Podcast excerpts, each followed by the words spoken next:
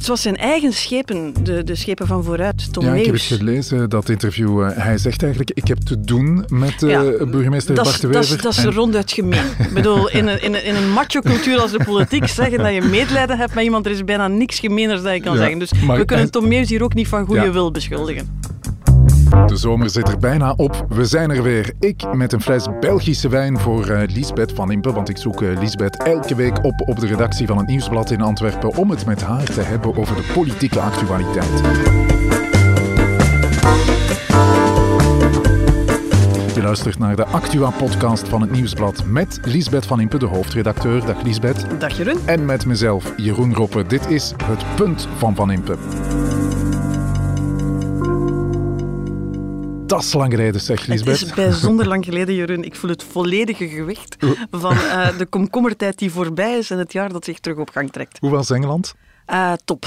Eh, net iets warmer dan gewoonlijk, wat in Engeland mooi meegenomen is. Ja, Ehm, veel gestapt ook. Veel gestapt, veel gelezen, eh, niet gebabbeld. Zoals je weet zijn er twee weken per jaar dat ik zwijg en dat is op vakantie. Dus ik ben helemaal opgeladen om de rest van het jaar vol te babbelen. Ik ben naar Zeeland geweest, was ook heel tof. Een revelatie eh, voor mij, want ik kende dat Goed niet. eten, mooi strand. Geweldig. En natuurlijk ben ik ook eh, overal in België geweest waar er wijn te vinden is. En ik dat is begrijp op- dat jouw kelder nu helemaal vol ligt. En ik heb gelezen dat de goede zomer betekent dat de Belgische wijn van uitstekende kwaliteit zal zijn volgend jaar. En op steeds meer plaatsen. Hè. Vaak in het zuiden van Limburg. Dat Haspengaal is een regio die we al een paar keer hebben Ja. zien passeren. En eh, daar heb ik dit hier gevonden. Eh Pombul heet het. Bul, bubbels, omdat het zo lang geleden is, Lisbeth. Bubbels, En altijd pom, goed. Omdat het uit Sint-Truiden komt. Dat is de een vreemde eend, zeg maar. Hè. een vreemde eend in de bijt. We hebben appels. Ja, appels en druiven, want het is eh, wel degelijk wijn. Ceprosa heet eh, deze pombul. Gezondheid, hè, Lisbeth. Daarmee hebben we het, eh, de spits weer afgebeten.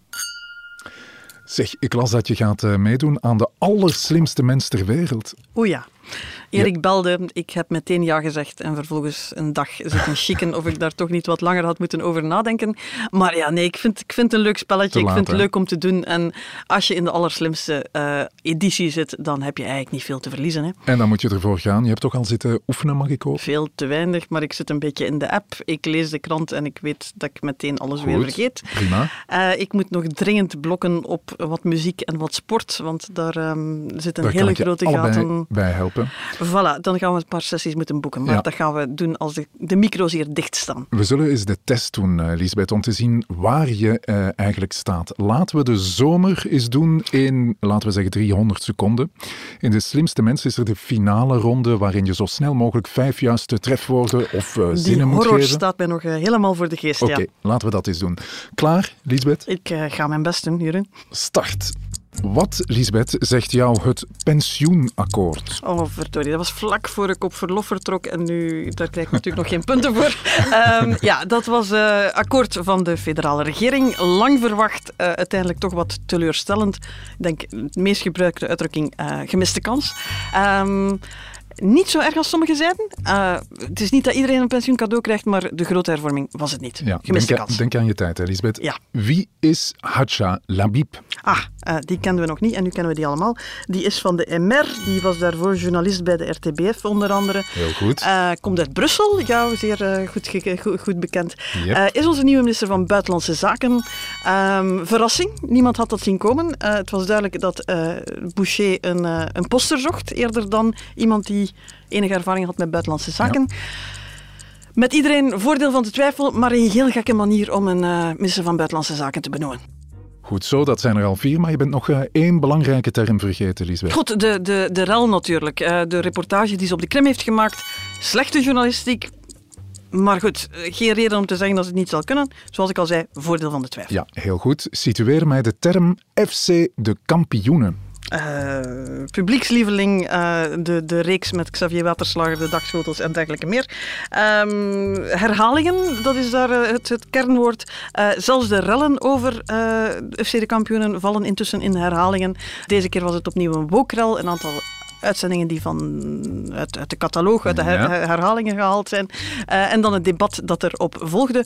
Absoluut identiteitsbepalend. Ben je tegen de eh, FC de kampioenen om wokreden, dan maak je graag ook duidelijk dat je dat niet grappig vindt, dat je dat niet goed vindt, dat je daar nog nooit naar gekeken hebt. Ben je voor FC de kampioenen, dan wil je eigenlijk zeggen, ik ben een man, van het volk of Conor. Wat weet je, Lisbeth, over de kerncentrales? Uh, dat daar een paar van gaan open blijven, toch op basis van het uh, zeer voorlopige in uh, potlood geschreven akkoord met Engie. Dat was ook vlak voor mijn verlof. Um, er is een soort van begin van de deal van wat de overeenkomst op termijn zou kunnen zijn. En we gaan daar heel goed de kleine lettertjes van in de gaten moeten houden, want dat zou ons een pak geld kunnen kosten. Het is gebeurd. Uitstekende score, Lisbeth Proficiat. Dat zal wel loslopen, Ik ga nog wat moeten oefenen op mijn bondigheid voor als ik in de opname zit. Maar goed, ik ja. moet zeggen, het, het, het het brengt weer de volledige horror van je hersenen die alle kanten uitstuiteren uh, naar voren. En zo hebben we toch maar mooi de hele zomeractualiteit overlopen. Hè? Allemaal gebeurd toen we weg waren en... Uh, het zal allemaal nog wel eens terugkomen. Het zal allemaal terugkomen. We gaan dus niet allemaal nu tot in de diepte uh, uitgraven, want ze komen allemaal terug in deze federale regeringen. En Vlaamse regeringen raakt nooit iets helemaal ja, opgelost. Daar gaan we zeker dus nog eh, punten over maken. De punten vandaag die gaan over het drugsgeweld in Antwerpen, het Vlaams Belang na de frontnacht. En eindigen wil ik heel graag met de premier van Finland. Een nieuwe aflevering van het Punt van Van Impe. Sterker nog, een nieuw seizoen van het Punt van Van Impe. We zijn vertrokken. Maar dat er in heel Europa een schuldig verzuim is bij de politieke elite en ook de maatschappelijke elite ten opzichte van drugs. En dat wij het als een soort fatalisme zijn gaan beschouwen dat jonge generaties massaal synthetische drugs nemen, cannabis roken en kooksnuiven. Ja, dat is wat ik iets wel beweer. Ik noem dat schuldig verzuim. Moest dit een terreurcrisis zijn? En deze crisis maakt veel meer slachtoffers. Hè. Honderdduizenden doden per jaar hè, maakt die mhm. drugsmafia. Ja, daar zou wel lang de Nationale Veiligheidsraad bijeengekomen ja. zijn. Antwerpen is in de ban van het drugsgeweld. De afgelopen weken gebeurden er heel wat explosies, liquidaties en schietpartijen in Antwerpen. En telkens ging het om geweld gelinkt aan het drugsmilieu. Bart de Wever, de burgemeester van Antwerpen, die je daarnet hoorde, die zit met de handen in het haar en wil dat de Veiligheidsraad samenkomt en in actie treedt. Het is iets wat enorm leeft. En Lisbeth, iedereen praat erover. Zeker in Antwerpen neem ik aan, want jij woont in Antwerpen. Eh, zeker in Antwerpen. Ik zit nu niet meteen in de buurt waar uh, dat heel acuut is. Maar ja, eh, bijna iedere dag, na iedere nacht heb je berichten van schiet, er is ergens geschoten. Vaak als waarschuwing. Het is niet dat, dat, dat, dat het, het ene dodelijke incident na het andere is. Maar je voelt, het zijn vooral bendes die tegenover elkaar bezig zijn. die daar ook allemaal filmpjes van maken. Het, is, het is krankzinnig om te zien. Uh, om te bewijzen aan een opdrachtgever dat ze het, uh, dat ze het gedaan hebben. Uh, op dit moment is het criminelen tegen criminelen, maar ja, je zal maar in zo'n straat wonen. Je zal maar eens wat later dan gewoonlijk thuiskomen. Je ja. zal maar s'avonds niet meer durven buiten komen, omdat een verdwaalde kogel intussen echt wel tot de mogelijkheden behoort. Ja, de strijd tegen drugs, die is bij de war on drugs, is een ongelooflijk moeilijke strijd, dat weten we allemaal. Is het eigenlijk wel een strijd die je kan winnen? Wel, dat is zo de vraag die altijd gesteld wordt. En ik ga beginnen. Dat is, een, dat is zo een, een thema waar ik zelf mezelf moet tegenhouden om niet bijzonder uh, fatalistisch te worden. Het, het, lijkt als zo'n zo, probleem waar je het eigenlijk niet weet en waar je ook geen oplossing van ziet. Nu, aan de andere kant, um, er zijn veel problemen die we nooit definitief gaan oplossen, maar waar je wel moet proberen om uh, op tenminste te zorgen dat het niet escaleert en het zo goed mogelijk te, te, te, kijken. En dan zie je altijd, ja, dan zie je kampen. Hè. Altijd kampen. En, en ieder kamp heeft zo zijn, zijn magic bullet, hè? de oplossing die het gaat oplossen het kamp waar Bart de Wever waarschijnlijk met eh, afschuw naar kijkt, zeg, zegt bijvoorbeeld legaliseer heel die boel. Je hebt maffia omdat het illegaal is, legaliseer het, dan kan je het controleren, je kan er zelfs belastingen op heffen. Aan de alcoholoorlog is ook een einde gekomen uh, met de legalisering van alcohol. Hè? Ja, uh, dat is het, het voorbeeld dat altijd gegeven wordt. Op het moment dat in de VS alcohol verboden wordt, dan krijg je maffia, Al Capone. En op het moment dat alcohol weer mag, dan heb je geen Al Capone meer moeten eerlijk zijn, je hebt nog altijd uh, zuiplappen. Je hebt nog altijd mensen die hun vrouw aftoeken omdat ze te veel gedronken hebben. Je hebt nog altijd mensen die dronken achter het stuur uh, kruipen. Zeggen dat alcohol geen probleem is in onze samenleving. Ja, en dan zit je daar met, met, met drugs natuurlijk ook. Hè. Ik bedoel, alcohol is één ding. Gaan we de gelegaliseerde verkoop van heroïne, ik probeer me daar iets bij voor te stellen, maar eerlijk gezegd, ik, ik zie het niet goed. Je hebt daar hulpverleners vaak uit de, genees, uit, uit, uit de ziekenhuizen, die zeggen van het is niet omdat er sommigen er wel mee kunnen omgaan. Wij zien de schade bij degenen die er niet mee kunnen omgaan. Dat zomaar tussen haakjes zetten lijkt mij ook moeilijk aan zeggen. Het is de keuzes die volwassen mensen maken. En ook eh, dat is ook, dan zou bijna de hele attitude van de hele wereld ten opzichte van drugs moeten gaan veranderen. Want dat als eiland België gaat doen, De schatting is dat hier door die Antwerpse haven 40, 50 miljard kook per jaar uh, passeert. Dat is echt niet allemaal bedoeld voor de Kempen en, uh, en, en het Antwerpse Zuid. Oké, ik hoor het. Uh, legalisering van harddrugs, dat, dat is niet de Dat lijkt zoals een oplossing die cerebraal klopt, maar waar ik toch niet van overtuigd ben dat dat nu plots hetgeen is wat alle, alle problemen oplost. Omgekeerd heb je dan bij de hardliners zo'n soort van gewapend bestuur. Hè. Philip de Winter zegt, stuur het leger naar Antwerpen om wat te doen, om een soort van bezette stad te worden waar iedere straat zijn militair krijgt. Herinner je na de aanslagen hadden we hier en daar uh, militairen staan hadden nu echt het gevoel dat dat nu eh, een problematiek van drugcouriers en de haven en noem maar op. We moeten ook eerlijk zijn, hè? die haven is groot, die haven is succesvol. Uh, je kan die niet afsluiten, je gaat er altijd dingen uitkrijgen die eigenlijk ja, er beter nooit waren toegekomen. Economisch is niemand bereid om te zeggen, we gaan daar alles gaan controleren en als dan die bananenboot uh, vol rotte bananen zit, dan pakken we dat er ook bij. De leefbaarheid van de Antwerpse haven maakt dat je, en de ligging van België en de, de nabijheid van Nederland, en noem maar op, maken dat die havens van Antwerpen en Rotterdam weten dat ze altijd een draaischijf voor drugs zullen blijven. Er letterlijk een oorlog, een war on drugs van maken, dat is dan uh, ook niet de oplossing, hoor ik je zeggen? Wel, maar je kan ook niet gewoon achteroverleunen en zeggen van ja, dan zien we wel, want je ziet uh, het, het, het, geweld wordt vreder, het wordt, die bendes worden agressiever, uh, het, het, het dringt binnen in heel, heel sociaal weefsel van je stad. Er, het, in, in die milieus klotst het geld tegen de plinten, dat is geld dat een uitweg zoekt, dat, dat tast hele buurten aan. Je voelt er natuurlijk ook, ja, die zoeken ook waar ze uh, loopjongens, de kleine garnalen kunnen gaan recruteren. Dan zeggen mensen van ja, zet daar buurt, buurtwerkers, ja zorg dat die gasten niet op het pad van drugs en bendes komen. Absoluut mee eens. Je moet investeren in het sociaal weefsel van die wijken. Maar laten we daar ook niet naïef zijn. Hè? Iemand begeleiden om een job bij de lijn of leraar te worden. We hebben er naar te weinig. Of alles wat een, een, een normale job is tegenover de leeftijdsgenoten die met de dikste auto's en, en de duurste juwelen rondrijden, omdat ze heel snel rijk worden in die, in die drugshandel. En dat zijn kleine garnalen. Ja, denken dat je dat met een straathoekwerker zomaar zal oplossen. Ja. En dan je tenslotte de gebruikers, daar wordt ook vaak over gesproken. Ja, want uh, dat zegt uh, de Wever ook altijd. Hij haalt stevast uit naar de mensen die drugs uh, gebruiken. De yogasnuivers. Hè? Hij wil ook altijd precies suggereren dat die allemaal voor groen stemmen of zo. Ja. Ik weet het nee, niet. Maar stel, Lisbeth, stel ik rook wel eens een joint of ik snuif wel eens een lijn. Moet ik mij dan schuldig voelen? Uh, ik vind niet dat je in Antwerpen op het zuid kan snuiven en doen of dat je niet weet wat er in de rest van de stad gebeurt. Um, we doen misschien allemaal soms dingen waar een morele kant aan is. Doen alsof dit waardevrij is. Iedereen vrijheid, blijheid en we doen maar. Zelfs als je een volwassene bent die perfect weet wat je doet. Je kan niet zomaar plots vergeten zijn dat je dat alleen maar kan doen omdat daar een heel netwerk achter zit dat dreigt de stad in een wurggreep te nemen. Dus ja, eh, zo, zo zit je in een samenleving. Hè. Daden hebben gevolgen. Aan de andere kant laten we dus niet doen alsof dat de, de drughandel in, in Antwerpen bestaat om Ik ben nu misschien voor de Antwerpenaar om het Zuid te bevoorraden. Daar, daar snuiven ze de lijntjes ergens van een camion gevallen zijn. De rest gaat naar heel Europa. 40 miljard euro kook in Antwerpen, dan zou je geen neus tussen meer in, in, in Antwerpen vinden. Het is niet dat daar het probleem kan opgelost worden. Maar je maakt deel uit van een keten, dat kan je niet ontkennen. Lisbeth, wat kan uh, Antwerpen dan wel doen? Uh... Wel, en dan wordt het dus moeilijk, hè? Want nu moet je er nog eens partijpolitiek gaan bovensmijten. Je zit met een, met een maatschappelijk probleem waarvan ja, je ergens een combinatie van middelen moet zien te vinden, zowel aan de zachte als aan de harde kant. Om het probleem niet op te lossen, maar beheersbaar te houden en te zorgen dat niet je hele stad gaat gaan domineren.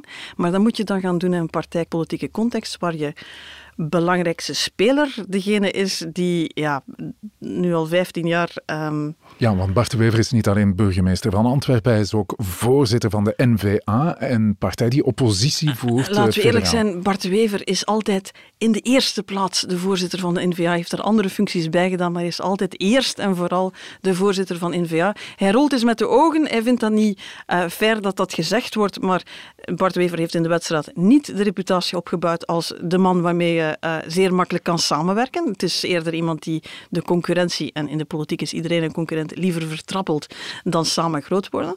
Dus hij heeft altijd het als een zero-sum game gezien. Als je Bart Wever bezig hoort over wat er allemaal fout is, heb je rap de indruk dat het iedereen is behalve Bart Wever. Hij heeft het allemaal al gezegd, maar de rest heeft niet geluisterd. Dat is ook een vaste, vaste prik bij de Wever. En ja, je hebt tegelijk de voorzitter die wil duidelijk maken dat de federale regering, waar hij niet in zit, niet aan het werken is, dat dat niet goed genoeg is. Um, ja, het was zijn eigen schepen, de, de schepen van vooruit. Tom ja, ik heb het gelezen, dat interview. Uh, hij zegt eigenlijk, ik heb te doen met uh, ja, burgemeester Bart de Wever. Dat is en... ronduit gemeen. ik bedoel, in een, in een, in een macho-cultuur als de politiek zeggen dat je medelijden hebt met iemand, er is bijna niks gemeeners dat je kan ja, zeggen. Dus we kunnen hij, Tom Meus hier ook niet van goede ja, wil beschuldigen. Hij zegt ook, uh, ja, eigenlijk uh, Bart Wever als, is partijvoorzitter van N-VA en dus oppositieleider en hij gunt de federale overheid niks. En vooral, hij werkt, het is niet iemand die veel samenwerkt. De Wever zegt direct, maar ja, maar ik werk samen met Rotterdam en ik heb al met PS'ers die ik niet ga noemen uh, samengewerkt. Ja, je hebt daar dat heel eenvoudige voorstel, de burgemeesters van de grote steden. Tot mijn gigantische verbazing zag ik maandag op, op ter zake zowaar Philip Kloze, de burgemeester van Brussel, uh, opduiken. Die zei van, ja, drugs dat is niet alleen een probleem in Antwerpen, dat is ook een probleem in Brussel. Dat is een zin die ze in Brussel zelden uitspreken. Je krijgt daar strafpunten voor in het Frans als je dat zegt. geen leedvermaken met ja. wat er in Antwerpen gebeurt. Nee, maar hij zegt wel, ik heb hier met de Wever nooit contact over gehad. De Wever heeft dat trouwens ook bevestigd. Het leek al hij wel met Magnet daarover gesproken heeft. Burgemeester van Charleroi ook, maar... Het is weer, de voorzitters hebben gesproken. Hier zou je eigenlijk de, de, de burgemeesters moeten samenzetten, die allemaal met diezelfde problematiek zitten. Er komt al rap een beenveegje naar de burgemeester van Gent, Matthias de Klerk van, van Open VLD. Dus je voelt, ja, de Wever gebruikt het tegelijk als een... Hij wil het voor een stuk wegduwen, want ja, dit wordt hem als burgemeester ook echt wel aangerekend. Ja. Hij laat geen kans liggen om te zeggen dat die federale regering uh, niet, niet voldoende werkt. En achter de schermen echte netwerken maken binnen Vlaanderen, ja. binnen België, omdat te, ja, dat is zelden zijn eerste prioriteit. Lisbeth, hè? mag ik jouw punt uh, samenvatten? Jouw punt is eigenlijk uh, Bart de Wever als burgemeester van Antwerpen, als hij die drugsproblematiek in zijn stad wil aanpakken, dan moet hij zijn uh, oppositierol even vergeten? Ja, dan moet hij in de eerste plaats burgemeester van Antwerpen zijn. En dan zal hij heel veel moeten vragen, denk ik, van verschillende beleidsniveaus. Hij gaat ook met heel veel oplossingen moeten komen. Hij gaat, ja, het klinkt goed, hè, de yogasnuivers hier en, en de softe aanpak is allemaal niet goed. Je moet hier zoveel dingen tegelijk doen. En dan nog zal je als burgemeester aan je stad moeten zeggen van we hebben die haven, het zal nooit zomaar weggaan. Ik denk dat hij in zijn analyse van het probleem op heel veel punten juist zit. Maar de aanpak ervan, ja, daar loopt de voorzitter soms voor de, voor de voeten van de burgemeester. Het punt van Van Impe.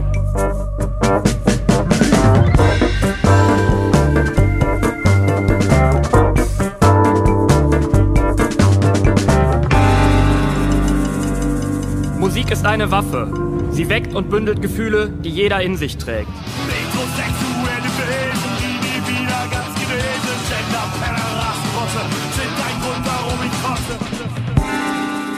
Nu zondag is het IJzerwaken in Ieper. De IJzerwaken is een Vlaams-nationalistische bijeenkomst van het radicale soort, zeg maar. De bijeenkomst kwam er toen een aantal radicaal Vlaams-nationalisten de jaarlijkse IJzerbedevaart veel te soft vonden.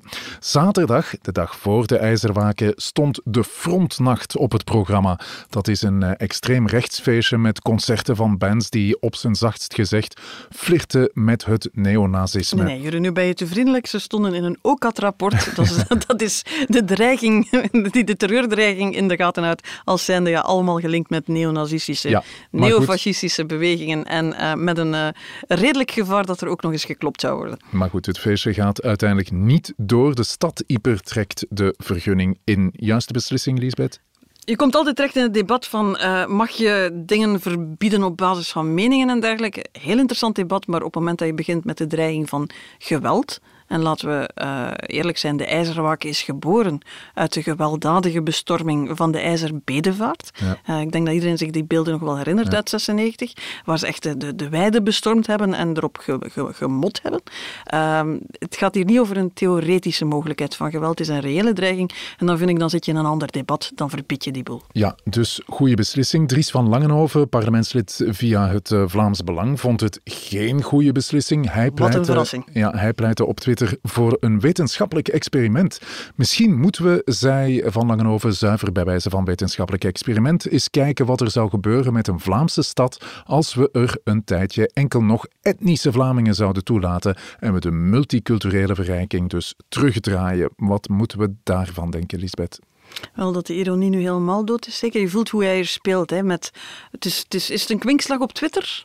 Is het een echt idee? Nee, het is puur hypothetisch, maar toch. Dus ja, je krijgt gewoon opnieuw Dries van Langenhoven die met grote letters zegt van hé, hey, ik ben helemaal, ik sta hier achter Frontnacht en ik ga toch nog eens duidelijk maken aan mijn fans dat ik uh, ja, helemaal van die lijn ben. Dat was een tweet van Dries van Langenhoven. Dan was het wachten op de tweet van de voorzitter. Het was van, lang wachten. het was lang ja, wachten. Zeker naar Twitter-normen was het uh, heel lang Nee, nee, naar wachten. alle normen, Jeroen. Twitter-normen is 5 seconden, 10 seconden, 15 seconden lang. Ja. Ik denk dat we hier anderhalve dag hebben zitten Ja. wachten. En uiteindelijk kwam uh, Van Grieken, de voorzitter van Vlaams Belang, met de tweet. Mensen experimenteren huidskleur, hoe hypothetisch ook. Dit is geen partijstandpunt. Huidskleur is geen issue. Massamigratie en islamisering zijn dat meer dan ooit. Die strijd voert het Vlaamse Belang iedere dag. Al de rest geeft onnodig munitie aan tegenstanders. Dat was de tweet, hè? Ja, en dan wordt de literatuurwetenschapper in mij wakker. Want dit is een rare tweet. Ja. Daar moeten we Dus buiten het feit dat hij laat komt, heeft er blijkbaar dus anderhalve dag, twee dagen op zitten chicken. Um, en dan krijg je zo'n tweet uh, die wij dan categoriseren als Tom van Grieken heeft afstand genomen van de tweet van Dries van Langenhoven. Dat is zoals dat hij de geschiedenis gaat ingaan. Maar je moet die nu eens lezen. Uh, mensen, punt. Experimenteren, punt. Huidskleur, punt. Hij had ook kunnen zeggen de tweet van Dries van Langenhoven. Met een linkje ernaar ja, voor wie het niet zou niet gezien hebben. De naar. naam Dries van Langenhoven komt in deze tweet niet voor. De boodschap van Dries van Langenhoven wordt op een gekke manier samengevat door drie woorden. Niet een zin, drie woorden met een puntje tussen. Dit is voor de kenners. Hier weet, Tom van Grieken weet perfect wie hier zijn publiek is. Zijnde de journalisten, de opiniemakers, de mensen die zich al aan het opwonden waren over Dries van Langenhoven. En die zitten te wachten tot Tom, van Grieken toont dat hij wel een ideale schoonzoon is, dat hij wel de propere kant van het Vlaams Belang is. En dus zegt, foei foei, Dries van Langenhoven. Eerlijk gezegd, je moet bijna doorgestudeerd hebben om te weten, uh, je moet heel de context kennen, je moet alle tweets kennen om te weten wat hier gezegd wordt. Zie deze tweet over twee jaar en je bent heel die rel over Frontnacht vergeten. En die, tweet van Dries van Langenhoven, omdat hij al 200 andere even vreselijke tweets gestuurd heeft. En je gaat niet meer weten waarover dit gaat. Dus dit is voor de fijnproevers. En Tom van Grieken is een meester met verschillende boodschappen naar verschillende publieken. Uh, sturen. Weet precies perfect wie zijn publiek is. Hè. Dat zijn zijn fans. Dat zijn degenen die vinden dat ja. het inderdaad En voor zijn een... fans is dit geen terechtwijzing. Die zullen het geregistreerd hebben en zullen gedacht, gedacht hebben, ja, Tom is... is uh, uh, ik denk dat een diplomaat hiervan zou zeggen dat dit een heel diplomatische ja. tweet is. Dit is een soort van omgekeerd hondenfluitje. De enigen die het horen zijn de journalisten en de opiniemakers en die kunnen zeggen van ja, zie je wel, Tom van Grieken was het er toch niet mee eens. Waarom hij het er niet mee eens is, is trouwens niet zo helemaal duidelijk hoor. Hij zegt huidskleur is geen issue. Zegt de man die uh, vorig jaar denk ik uh, nog zei dat uh, Europa dominant blank ja. moest zijn. En achteraf zei van, ik had dat misschien zo niet moeten zeggen, want huidskleur is geen issue. We kunnen intussen ervan uitgaan dat Tom van Grieken, als hij een beetje ambetant zit, zegt van huidskleur is geen issue.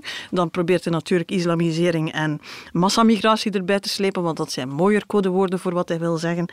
En dan blijkt eigenlijk zijn grootste probleem te zijn dat... Uh, uh, Dries van Langenhoven, die hij dus op geen enkele manier in zijn tweet vermeldt, uh, onnodig munitie aan de tegenstand heeft gegeven. Ja. Nou, nou, foei, foei, Dries, dat had je niet mogen doen.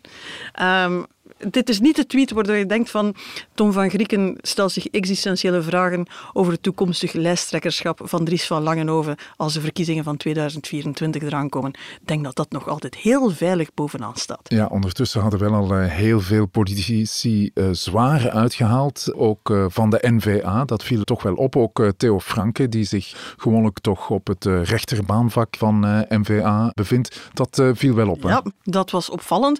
En dan krijg je die reflex onder andere bij opiniemakers om te zeggen van ja, nu valt heel de strategie van Tom van Grieken in duigen. Zijn doelstelling was om het Vlaams Belang aanvaardbaar te maken. En kijk, nu, nu, nu, nu, nu moet hij helemaal opnieuw beginnen. Ja, Ik want hij daar- wil van het Vlaams Belang een beleidspartij eh, maken en daar heb je natuurlijk partners voor nodig. Absoluut. Alleen, ik ja, ik vrees dat dat nog net iets te naïef is. Ik denk dat de grootste betrachting van uh, Tom van Grieken is niet om het uh, Vlaams Belang salonveeg en aanvaardbaar en proper en opgekuist te maken, maar om het zo groot mogelijk te maken. En dat doet hij door heel verschillende publieken aan te spreken. Dries van Langenhoven is er voor degenen die zeggen van dat is een racist zoals wij zelf zijn. We herkennen ons daarin. We vinden dat goed dat hij dat allemaal zegt met een kwinkslag over Ieper. Ja? Tegelijk zie je gigantische Facebook-campagnes om iedereen die zijn energiefacturen te hoog vindt bij het Vlaams Belang te krijgen. Je krijgt mensen die ontgoocheld zijn in de klassieke politiek. Dus hij is al die verschillende publieken aan het bespelen. Dries van Langenhoven is daar maar een stukje van, maar ook een belangrijk stukje. Ook die brengt zijn kiezers mee. En dan krijg je een soort van optelsom waarbij ja. Tom van Grieken op verkiezingsavond hoopt groot genoeg te zijn. Ja. Het punt is, wat er daarna gebeurt daar kan Van Grieken zich weinig illusies over maken. Hij gaat geen absolute meerderheid halen. Tenzij misschien bij de gemeenteraadsverkiezingen, de laatste van de rijverkiezingen in 24, kan hij het Ninove is misschien een absolute meerderheid echt wel haalbaar. Maar goed, dat gaat over geïsoleerde plekken. Ja. Op Vlaams niveau laten we over federaal niveau even niet spreken, want dat is, is, is nauwelijks denkbaar wat dat, dat zou gebeuren. Maar op Vlaams niveau zal hij altijd partners nodig hebben. Ja. En daarvoor is het belangrijk dat hij die zeer cryptische tweet verstuurt om te zeggen van ja, maar ja, Ja. Dries van Langenhoven, dat ben ik niet. Het is eigenlijk, eh, zoals een Vlaamse Belanger ooit zei, het Vlaamse Belang moet vuil genoeg zijn om aantrekkelijk te zijn voor veel mensen. Dat is het eigenlijk. Dat hè? was Gerolf Annemans, denk ik, toen het Vlaams Blok Vlaamse Belang werd, na de, de veroordeling. En hij eigenlijk de achterban verzekerde, we gaan vuil genoeg blijven. En ik Ja. Denk, als ik me goed herinner, stond ik in die zaal en hoorde ik het applaus dat, dat, dat stormachtig was. Ja. Maar ik heb dat ook met een, met een in Ninove, die zegt van, ja, we moeten zorgen, we kunnen hier misschien wel een absolute meerderheid halen, we moeten stomiteiten vermijden. En dan denkt iedereen terug van, misschien zwarte kinderen vergelijken met chocomousse, zoals Gidazeleer gedaan had. Ehm, dat hoort misschien bij de stomiteiten. En dan zegt Gidazeleer wel heel fijntjes eh, vandaag in de standaard. Ehm, ja, maar ja, dat heeft me ook wel veel aandacht opgeleverd en 30.000 extra stemmen bij de federale verkiezingen. Vandaag is verontwaardiging in het nieuws komen. Eh, uitspraken doen die duidelijk polariserend en haatdragend zijn, zijn deel van het businessmodel van die partijen. Ja. En dat deel dekt Dries van Langenhoven af. Ja. Maar we gingen naar de Dat is mogelijke een, partner. een duidelijk eh, punt. De mogelijke partner, dan kijk ik natuurlijk naar eh, NVA. Wat is eigenlijk de strategie van NVA? Wel, dat gaan we dus moeten zien. Hè. Tom van Grieken heeft het zelf niet onder controle. Als zijn coalitie wil sluiten, zal hij NVA nodig hebben. Mogelijk nog een derde partner. Dan wordt het heel ingewikkeld. Misschien niet. Misschien volstaat een meerderheid. Zou je een meerderheid kunnen maken met NVA? Wat zien we vandaag? Iedereen, inclusief Theo Franken. Om het luidst nemen ze Ja. afstand van het Bart de. Wever zegt dat vaker met meer aandrang. Zoal Demir zegt dat vanuit alle emotionaliteit ook die ze in haar heeft een absolute overtuiging. De Chinese muur. de Chinese muur. Het is mijn overtuiging dat die Chinese muur zeer veilig en ondoordringbaar is tot de dag van de verkiezingen. En dan zal er geteld worden. Dan zullen er opties bekeken worden. Zal er gekeken wat er mogelijk is. Ik denk dat het nooit Bart de Wever zijn eerste optie zal zijn om met het Vlaams Belang in zee te gaan. Maar goed, er moet wel een regering gevormd worden. Het kan zijn dat er heel weinig opties, heel weinig mogelijkheden zijn. Binnen de NVA is er zeker een strekking die zegt we moeten dat Vlaams Belang een kans geven. Al was het maar omdat ze ervan overtuigd zijn dat dat de enige manier is om ze ooit weer klein te krijgen. Dus dat gevecht zal gevoerd worden na de verkiezingen. Wat Tom van Grieken kan doen, is zorgen dat zijn partij zo groot mogelijk is en dat het speelveld voor alle anderen zo klein mogelijk Ja. wordt. Dat is waar hij op inzet. N-VA weet dat, zal tot de verkiezingen zeggen, met ons nooit. Ik denk dat er na de verkiezingen een grotere dosis opportunisme komt. En ik heb, denk dat we een eh, tweede punt hebben, Elisabeth. Uh, salonveegheid, dat eh, kan het Vlaams Belang gestolen worden. Ze willen gewoon de grootste zijn. En daar kan bijvoorbeeld een Dries van Langenhoven bij helpen. Hè. En de NVA intussen sluit wel een coalitie uit met Vlaams Belang. Maar als Leg puntje daar bij toch geen boontjes komt, te weken op, zou ik denken. En ze gaan altijd kunnen zeggen, maar ja, Tom van Grieken heeft toen toch een tweet gestuurd hè, om te zeggen dat hij afstand nam van Dries van Langenhoven. En dan gaan we die tweet terugnemen en gaan we terugzien van... Eigenlijk stond er bitter weinig in. Het punt van Van Impe.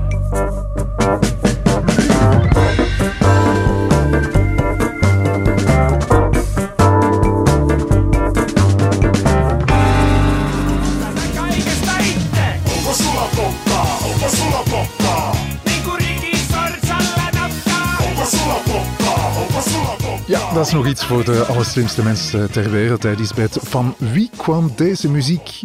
Ik ben duidelijk niet de allerslimste mens, want ik heb geen flauw. Ik had er tot voor kort ook nog nooit van gehoord. Het is de Finse rapper Petri Nigaard. En nu snap ik plots de link. ik ga Ja, ik ervan uit er- dat we een premier uit de bol hebben zien gaan op deze muziek. Ik Oké. had er inderdaad pas van gehoord toen de eerste minister van Finland in een video eh, aan het dansen was op de muziek van Petri Nigaard. En dat zei ze heel erg goed, hè? eh, vond ik, de premier van Finland, Sanna Marin. Ze kan geweldig dansen. Dus ze kan een feestje bouwen, dat is Ja. duidelijk. Niet alleen de moves, maar ook eh, de mimiek eh, was zeer goed. eh, zo goed dat sommige Finse politici vermoeden dat Marin drugs had gebruikt. Maar dat was niet het geval, want Marin testte negatief. Die drugstest, was dat nu eigenlijk wel nodig, Lisbeth? Eh, ik denk dat het haar inschatting was van... als ik het weiger, dan zal ik verdachter eruit zien. Maar je zit daar eigenlijk in een positie waar je politici eigenlijk, allee, eigenlijk niemand mag brengen. Ehm, feestjes vieren is tot nader order niet verboden, ook niet als je minister bent. En eh, ja, je zat hier met gewoon beelden uit, het, het, uit de privé die gelekt zijn zonder dat, ze, dat dat haar bedoeling was. Ja, ook niet als ze dat doet in de residentie van de Finse premier. Vind je dat dan eh, ook geen probleem? Je wil niet weten wat er allemaal in, al in ambtswoningen wereldwijd gebeurd is. Ehm, ja, enfin, je kent mijn... We hebben een discussie nog gevoerd. Er zijn nog altijd mensen die zich daarover opwinden. Het privéleven van mensen. Ja, wij brengen dingen uit het privéleven van politici als ze het zelf op Instagram zetten en noem maar op. Eh, ja, goed, dat, is, dat, is, dat geeft wat kleur aan de dag.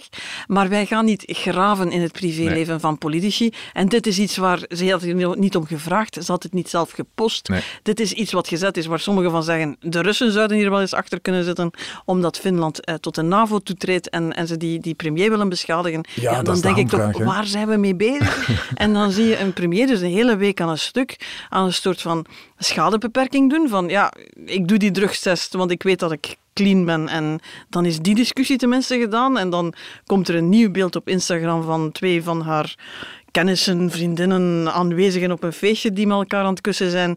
En dan heb je een nieuwe rel en zo kan je door blijven gaan. Zou het kunnen dat er Allemaal- belangrijker dingen zijn? Ja, maar allemaal eh, rellen, Lisbeth, eh, want dat hoor je toch ook wel vaak, omdat de premier van Finland een vrouw is. Stel, was ze een man, was er dan ook zo'n heisa geweest? Het is heel duidelijk dat dat soort rellen veel sneller voetjes krijgen en veel groter worden als je een jonge vrouw daarop kan, kan, kan pakken als zijnde. Dat zijn heel oude adjectieven die we dan op plakken. Hè. Ze heet dan losbandig en is dat wel verantwoord. En dan krijg je de tegenbeweging van allemaal vrouwen die eh, tonen dat ze ook feesten, om te tonen dat dat eigenlijk perfect normaal is.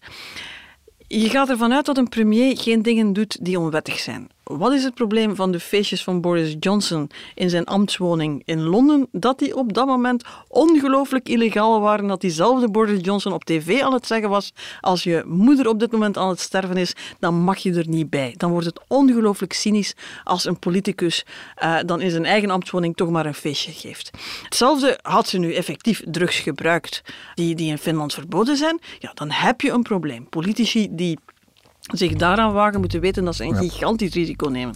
Maar laten we niet doen alsof degene die hier de camera vasthoudt en de beelden verspreidt, ook niet een heel specifieke agenda heeft. En de realiteit is dat als je dat probeert te doen met een jonge vrouwelijke politica, dat dat altijd op sociale media succesvoller gaat zijn, eh, een grotere rel gaat worden, meer verontwaardiging, meer scheldpartijen zal losweken dan als dat we met een man zou zijn. Oké, ik denk dat we een laatste punt hebben. Hè. De moves van Sanna Marin, de premier van eh, Zijn totaal onschuldig, zeg jij. Zeker eh, als je ze vergelijkt met die van eh, Boris eh, Johnson. Ja, maar het zijn verschillende problemen. Ik snap dat mensen, mensen worden dan privéleven van politici en dan smijten ze al op, één- alles op één heel grote hoop.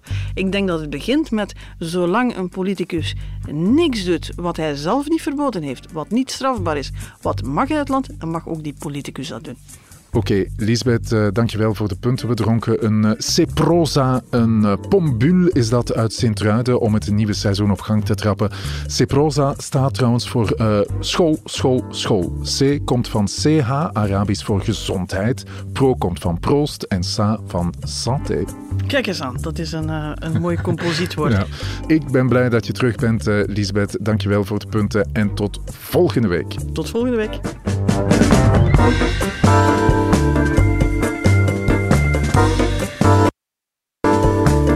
Dit was het punt van Van Impe, een podcast van het Nieuwsblad. Je hoorde de stemmen van hoofdredacteur Lisbeth Van Impe en van mezelf, eh, Jeroen Roppe. Dank aan de VRT voor de audioquotes, aan Pieter Schevers voor de muziek en aan Pieter Santens van House of Media voor de montage. De productie was in handen van Bert Heijvaart. Tot het volgende punt van Van Impe.